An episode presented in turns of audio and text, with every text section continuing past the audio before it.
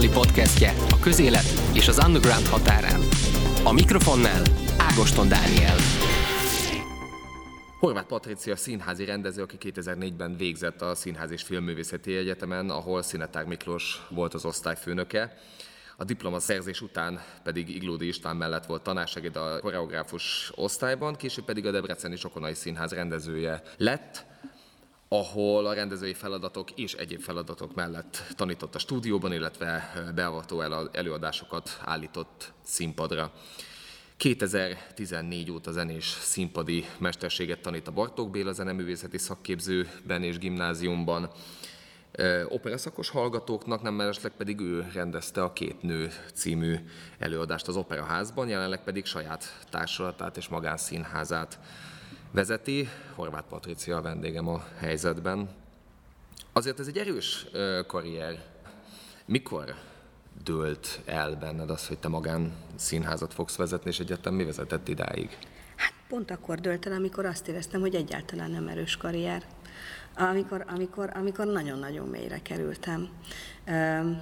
Értelemszerűen, amikor elkezdődik ez a történet, és az embert felveszik a színművészetire, akkor akkor, akkor hát világmegváltó gondolatai vannak, és úgy érzi, hogy most akkor eljött, eljött az a bizonyos Kánaán. Tehát engem ide fölvettek, innentől nyíl egyenes az út, és természetesen azt tudtuk, hogy ez, ez, ez embert próbáló öt év. A színművészeti az mindenkit rendesen megdolgoz és kiforgat önmagából, és ennek így is kell lennie. Ma már azt látom, hogy aki nem megy át ezen a, ezen a művészi purgatóriumon, az, az teljesen máshogyan létezik a, a szakmában. De hát a diplomával együtt úgy éreztem, hogy megnyílt előttem a világ, és akkor, és akkor egyik előadás jön a másik után, és mész, és dolgozol, és dolgozol, és dolgozol, és akkor egyszer csak eljön az a bizonyos életközépi krach, amikor azt érzed, hogy nem csináltál semmit, és nem hoztál létre semmit, és alapvetően semmi értelme nem volt mindannak, amit csináltál. Én itt ezen a ponton elmentem konferenciát De ez így is volt egyébként, vagy csak te gondoltad így? Én, én szerintem ez így volt. Volt, volt egy, ez 2015 környékén történt, amikor, amikor hirtelen egy ilyen, egy ilyen légüres térbe kerültem. Olyan volt, mint egy fekete lyuk, hogy mindenki szippantódott pár hét leforgása alatt az életemből. És, és úgy éreztem, hogy minden elment. Tehát akkor szűnt meg a szerződésem a Debreceni Színházzal.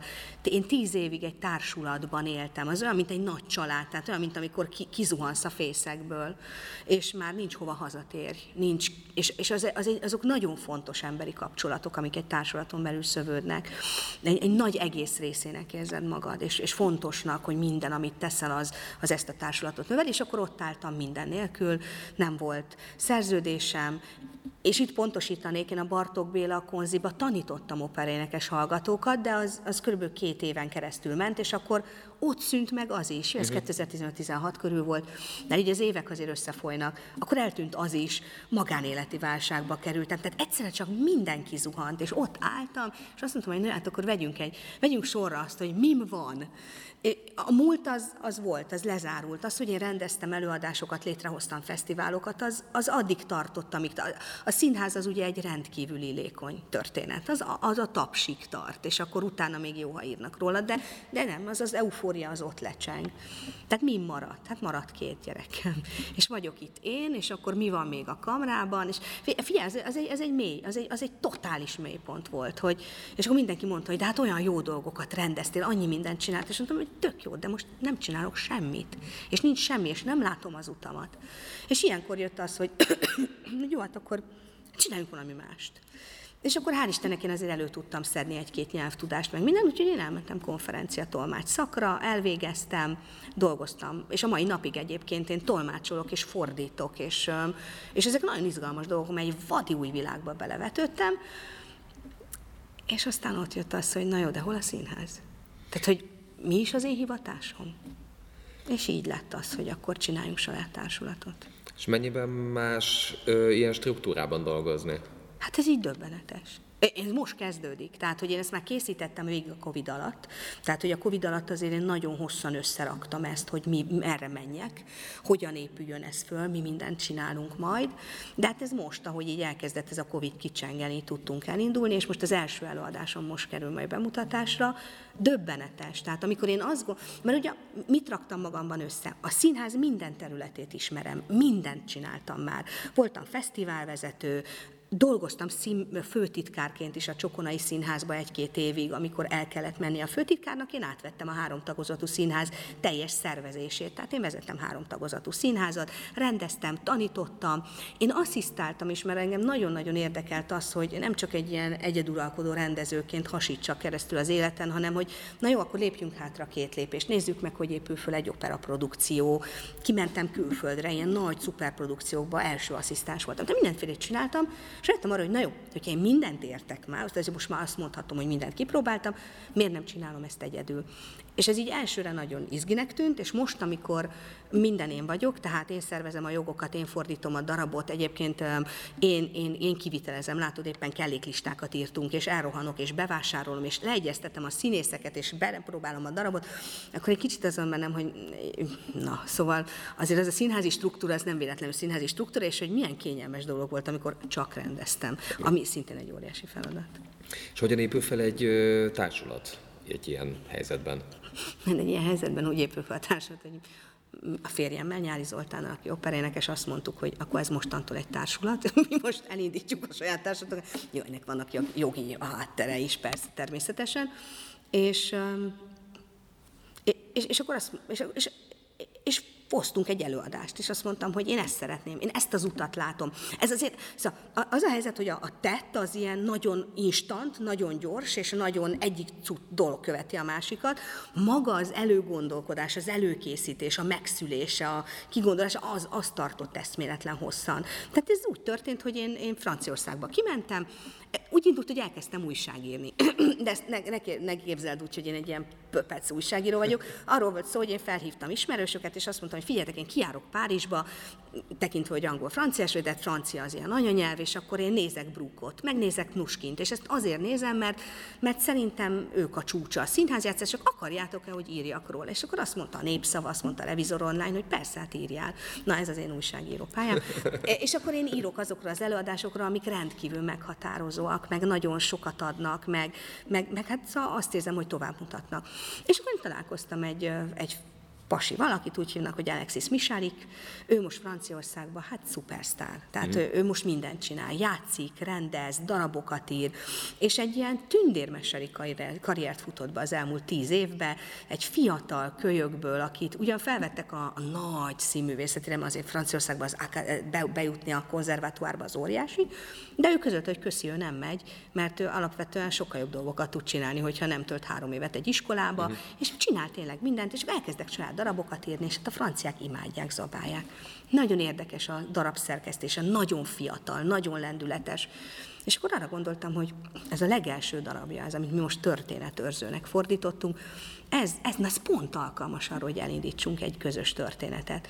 És akkor én nagyon egyszerűen kísértáltam a jogvédőhöz, és azt mondtam, hogy itt vagyok, én, én most elkezdek egy új történetet itt Magyarországon, teljesen egyedül, segítetek ebbe. És, és alapvetően, hogyha az ember odáll és kommunikál róla, akkor, akkor nyitott fülekre talál. És azt mondták, hogy persze, milyen jó ötlet, megadjuk a jogokat, segítünk neked abba, hogy nem húzunk le, mert tudjuk, hogy magánpénzben. Mondtam, hogy én egy, én egy hitelt vettem föl arra, hogy most darabot csináljak. Tehát így jön létre egy színház, hogy, tehát, hogy mi nem a, a bankban álló aranyainkból. És a színészeket?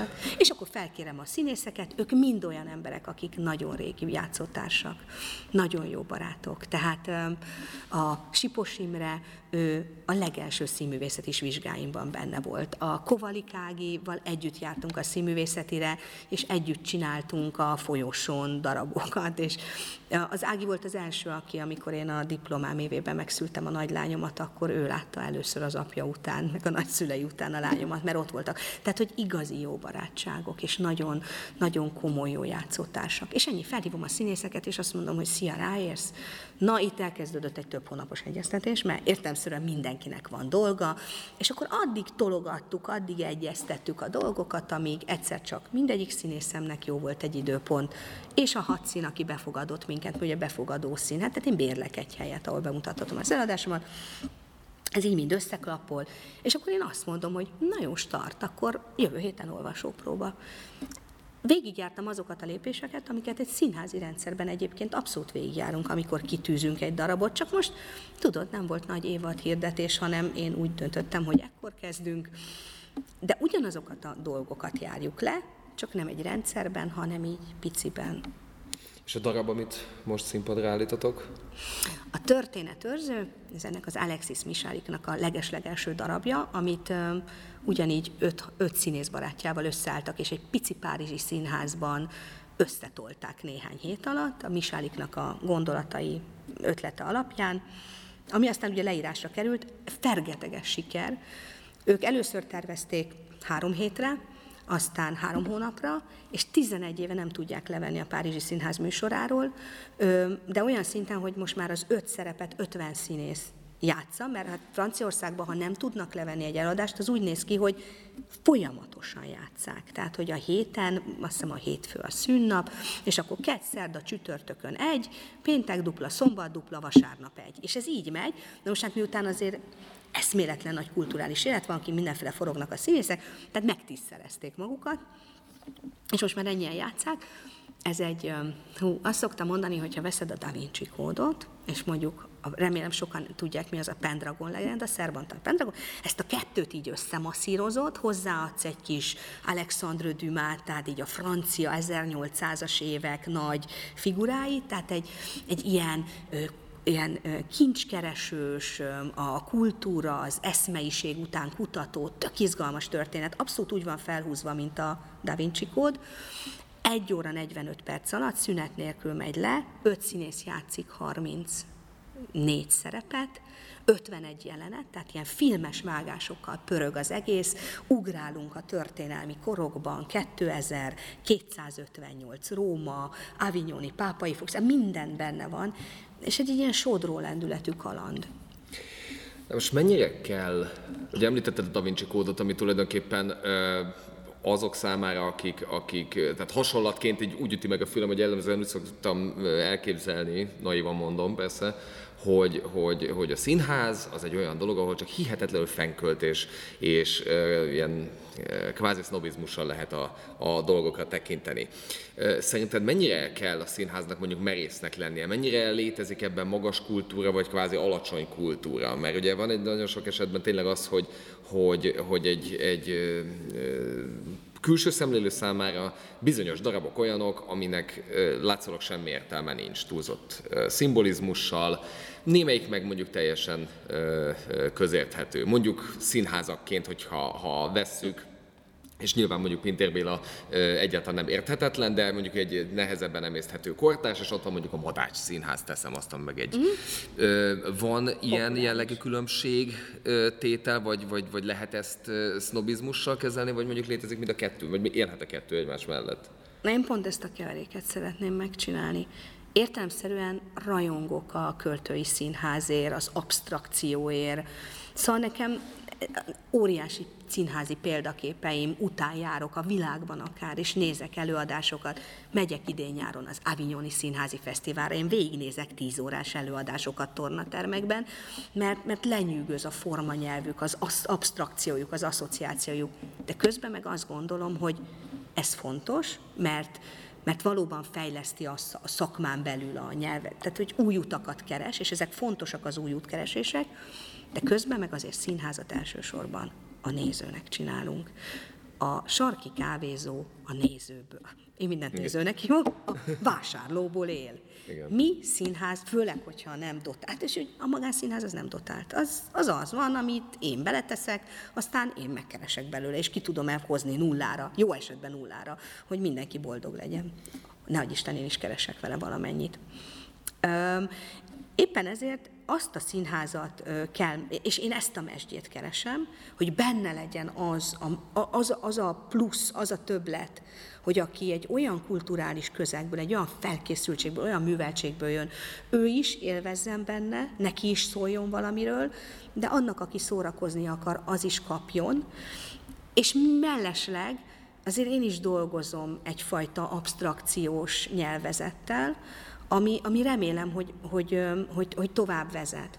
Tehát például a kokáért ebbe a történetőrzőbe ez tökéletesen jól működik. Tehát, hogy ott van benne az a szint, amit azok az emberek értenek, akik azért olvastak, Dümá, tudják ki a Dümát, tudják ki volt Özsendőlákról a festő, egyébként is azért nagyjából értik, hogy a pápa avignoni fogsága mi volt, és hogy Algéria merre van, mi volt Algéria megszállás. Tehát azért nagyon sok minden ott van benne a francia kultúráról, a világ, az európai kultúráról, a történetről, történelemről, ők találnak benne olyan kis kulcsocskákat, olyan aha élményeket, amire azt mondják, hogy wow, tényleg ez, ó, de, de közben, ha nem tudod ki Delacroix, nem olvastál dümeregényeket, akkor is egy sodró, izgalmas kalandban van részed, és hát ugye az én reményem az, hogy utána ahogy a nagylányom csinált, amikor felolvastam neki a darabot, rögtön fogta a telefont és kiguglizta, hogy ki is volt.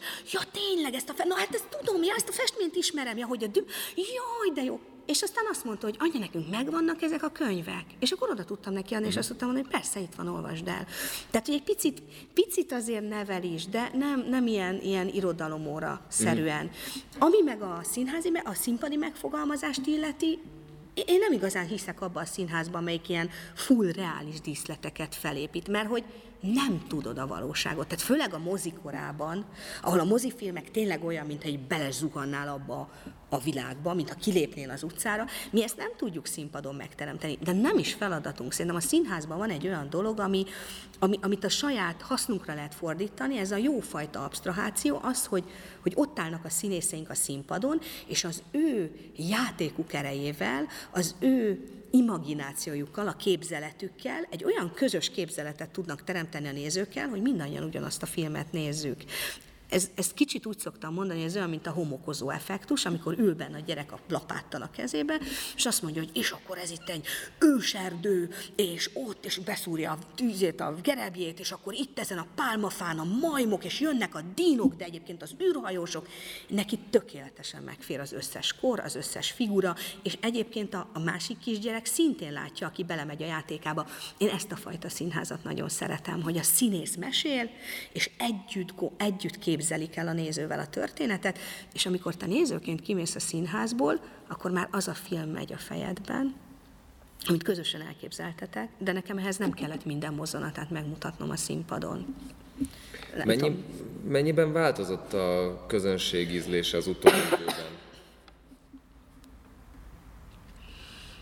Igen. Hát Értemszerűen nem tudok erről egyértelmű lát. Én mindig, mindig azt gondolom, hogy ha mondok valamit, akkor egyébként így van, vagy nem. tehát, hogy, tehát, hogy én, én, nagyon távol álljon tőlem, hogy én akarjak ilyen óriási kijelentéseket tenni, meg látleletét adni egy helyzetnek, de én azt gondolom, hogy valóban a filmes kultúra, a televízió, az, az interneten terjedő, keresztül terjedő készenvett képek világában teljesen más hogyan néznek színházat, teljesen más az átlag kultúra, valószínűleg sokkal kisebb az olvasottság, ez, ez, ez van.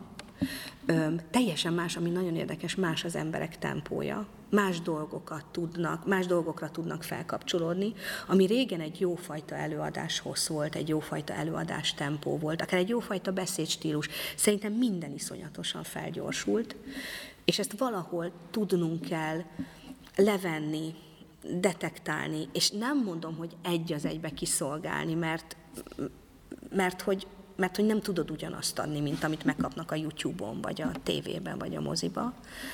De mégiscsak meg kell találni hozzájuk a, a, kulcsot, a kommunikáció mm. kulcsát, mert ha, egyébként, ha nem kommunikálsz velük, akkor max nem jönnek többet. Mm. Szerintem nagyon-nagyon sokat változott, és, és ezzel nem segített ám a Covid. Sőt, még jobban betett képernyők elé. És a képernyő, az, a, az, az, amit az előbb is mondtam, az a készen kapott képek. amikor nekem már nem kell hozzátennem a saját fantáziámból. Ugye ezért hiányolom az olvasott sem. Az olvasás mi? Leülsz, olvasol, és, és elképzeled azt a világot. Én egyébként így lettem színházrendező, hogy én eszméletlen sokat olvastam, mert szerettem és elképzeltem a történeteket. És a színházi világ, mert ugye a néző számára, meg, meg, meg a kívülállók számára, mondjuk akik adott esetben nem járnak színházba, ö, az utóbbi időben azért elég erős balhég övezték a színházi életet, kezdve Eszenyi Enikőnek a, az esetével, ugye a Nemzeti Színház az mindig balhés volt, akár az Alföldi volt, ott a főigazgató, akár a Vignyánszki. Számos ilyen eset volt. Ugye ott volt az SFE is például, a, ami, ami, ami szintén a Színház és Filmművészeti Egyetemként hozzátartozott az, ahhoz, hogy ebben a közéletben hogy mondjam, az emberek számára úgy tűnjön, hogy, hogy, hogy elég balhés a színház élete. Hogyan látod ma a magyar színház életet? A színház az, az, az egy lakmuszpapír. Az rögtön beszippantja a való világnak a, a rezdüléseit, és, és ahogy a tintacsepp szétfut a papíron, úgy, úgy megy át rajta minden. Szerintem az lenne a legnagyobb álságosság, hogyha azt mutatnánk kifelé, hogy minden rendben van, mert hogy a közéletünk az viharos a világunk az, a világunkat nagyon nagy viharok és, és rengések rázzák, és ezt értelemszerűen lereagálja a színház. Azt hiszem, hogy a nézők azok ebben a közéletben élnek, ebben a politikai, meg, meg ebben a világban léteznek, amiben a színházunk is él és működik. És szerintem rendkívül fontos, hogy a színház reagáljon ezekre a dolgokra. Reagáljon a saját eszközeivel, a saját nyelvén, nem is csak a színház, hogy a művészek reagáljanak, hiszen a művészek azok mindig is egy kicsit a, hát az, az úgy van jól, hogyha ők a társadalom lelki ismeretei, és ők tudnak sok mindent, és a szószólók is, nem? Tehát sok mindent ők tudnak megfogalmazni. Emlékezzünk csak az előző, azért, azért nekem, én nem, én értem szerint életkoromból kifolyólag nem éltem, még csak nagyon kicsi voltam akkoriban, de bőven éltem már a rendszerváltás előtt, de például az Iglódi tanár úr na, nagyon sokat mesélt arról, hogy milyen volt, amikor a Nemzeti Színház színpadán egy mondat, egy feltartott új uh-huh. azt jelentette a nézőknek, hogy amit mindannyian értettek alatta, ami nem volt kimondható, de ott volt, és ők azt megtapsolták, és ők, azt, és ők azzal együtt tudtak menni. Ahogyan, ahogyan, ahogyan a Meyerholdot, aki ugye az egyik legnagyobb színházalkotó zseni volt, de hát magát Stanislavskit is rég, a régi rendszer Oroszországban szobafogságra ítélték, és meggyilkolták. Tehát Meyerholdot megölték. Miért? Mert a színház, ő, ő egy teljesen absztrahált színházi világot állított színpadra, de kimondott olyan dolgokat, amit, amit a néző számára üzenetek voltak, akár az ellenállás jele volt, és ezt, ezt el kellett, meg kellett folytani, és el kellett hallgattatni.